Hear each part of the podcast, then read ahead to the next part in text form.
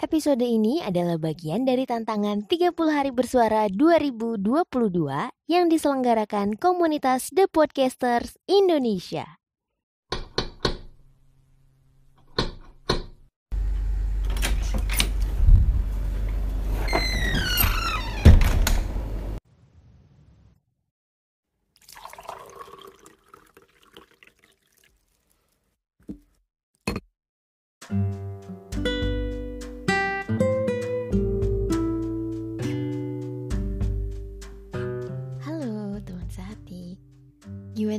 Kabarnya hari ini?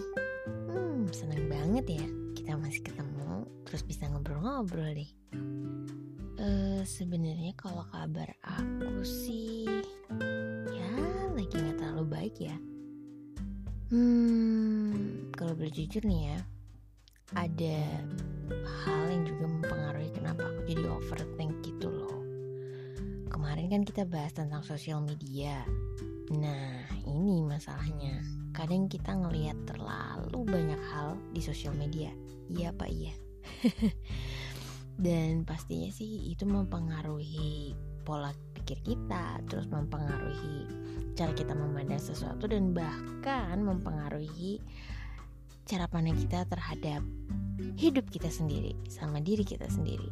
Nah, jadi gini, kemarin tuh aku ngeliat ada orang yang flexing, you know flexing right, pamer. Eh, Sebenarnya sih kalau kita melihatnya dari kacamata yang positif, maksudnya kita bisa melihatnya sebagai oh nih orang lagi sharing tentang kehidupannya. So that's okay. Tapi yang jadi masalah adalah kondisi kita saat kita lagi ngeliat konten social media dari orang lain atau influencer dan kita lagi nggak baik-baik aja maka kita cenderung bakal ngebandingin hidup kita sama hidupnya dia ya nggak sih? Dan itu tuh yang sebenarnya jadi nggak sehat dari sebuah hal yang namanya flexing. Eh tapi ngomong-ngomong nih teman sehati tahu nggak sih kalau sebenarnya istilah flexing ini tuh berawal dari seorang rapper Amerika waduh ini kira-kira udah lama banget sih tahun 90-an namanya Ice Cube. Nah dia ini pakai istilah flexing di salah satu lagunya yang berjudul It Was a Good Day.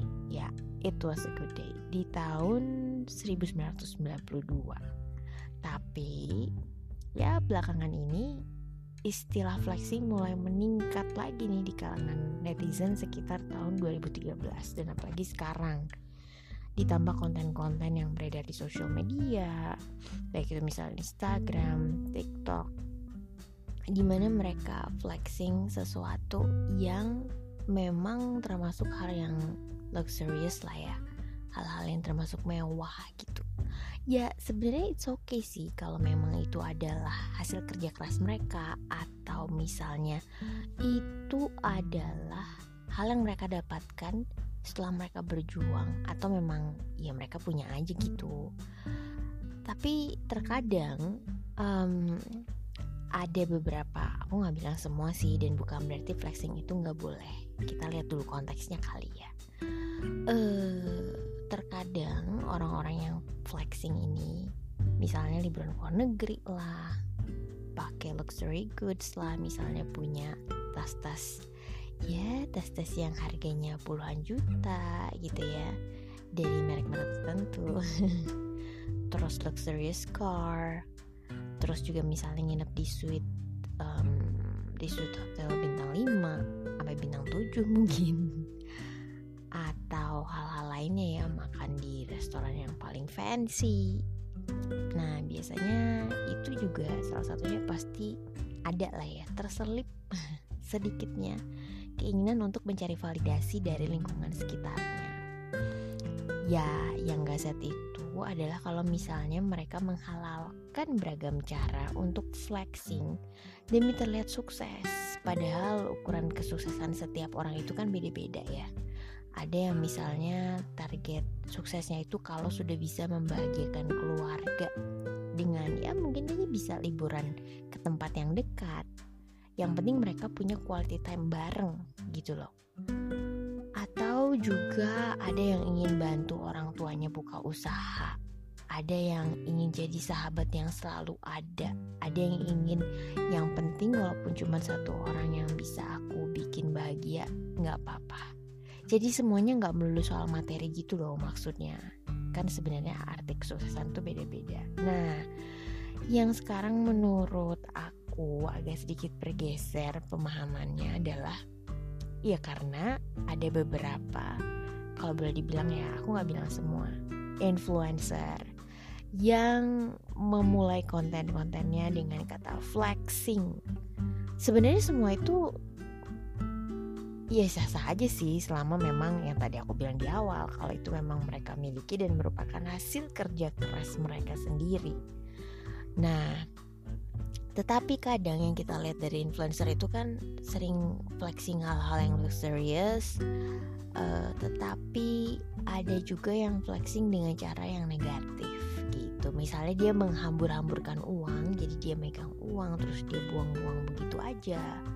Atau juga misalnya dia merusak barang-barang yang sebenarnya itu kategorinya cukup mahal dirusak atau misalnya dibuang tetapi sebenarnya sangat tidak pantas di tengah situasi yang ya saat ini setelah pandemi orang-orang lagi struggle ya berjuang untuk kembali bounce back gitu kembali lagi untuk berjuang. Baik itu dalam hal pekerjaan atau misalnya dia punya permasalahan-permasalahan hidup yang lain dan saat dia ketemu sama konten flexing yang negatif yang tadi aku bilang ya jenis flexing negatif kayak apa ya tentunya itu kurang baik efeknya untuk orang lain. Hmm kalau misalnya dipikir-pikir juga ya banyak banget sebenarnya hal-hal yang uh, flexing itu sebenarnya sifatnya kan pribadi ya. Ada orang yang dia flexing misalnya tiket perjalanannya dia ke suatu tempat tanpa memblur destinasi dia mau ke mana kursinya dia di mana naik maskapai apa. Kan seharusnya itu sebaiknya dirahasiakan ya karena itu sifatnya pribadi.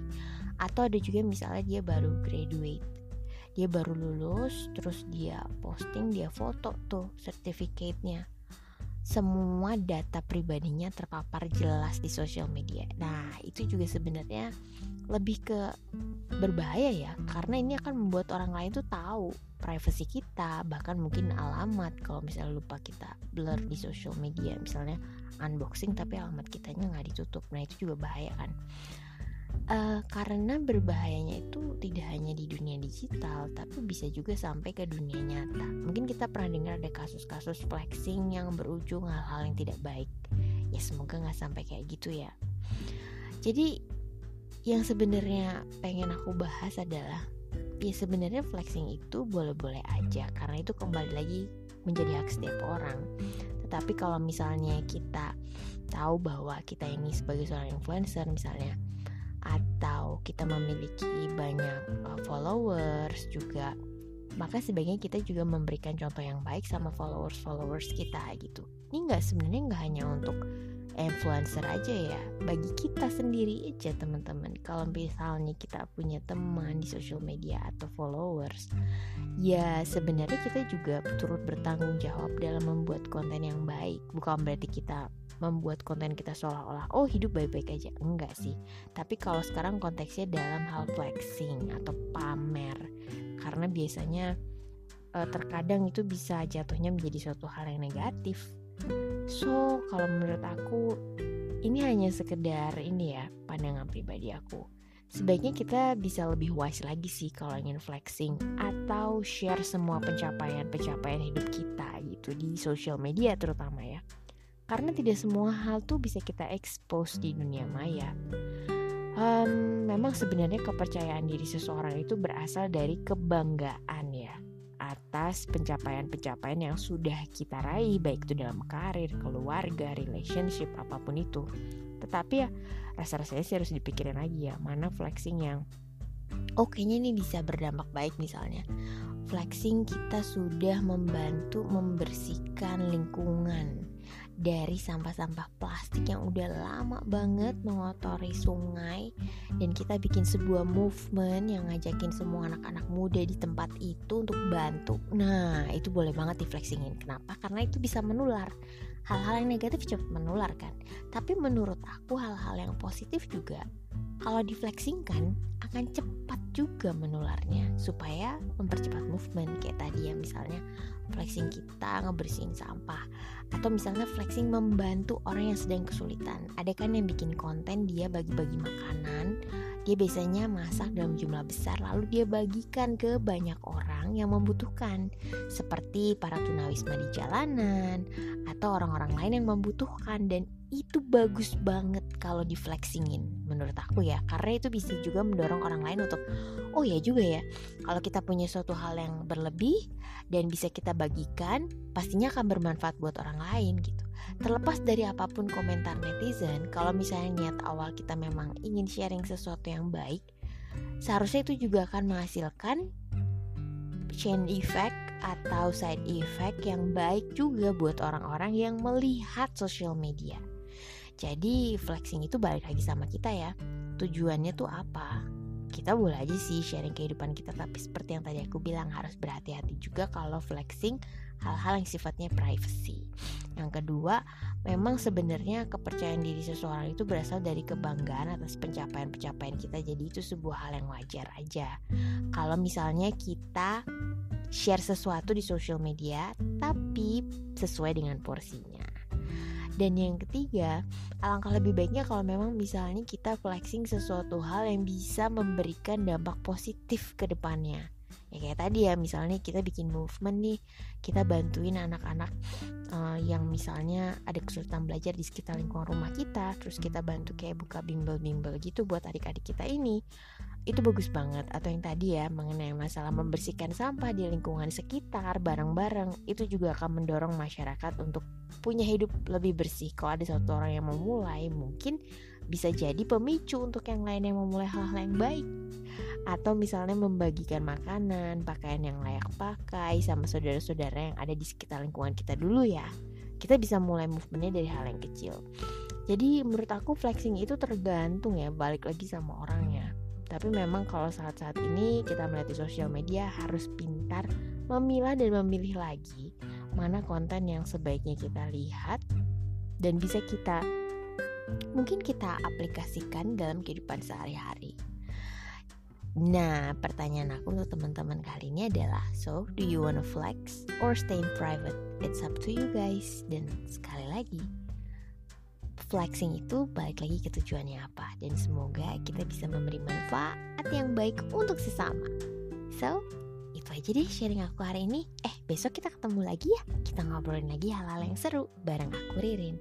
Terima kasih teman sehati. Sampai jumpa. Bye.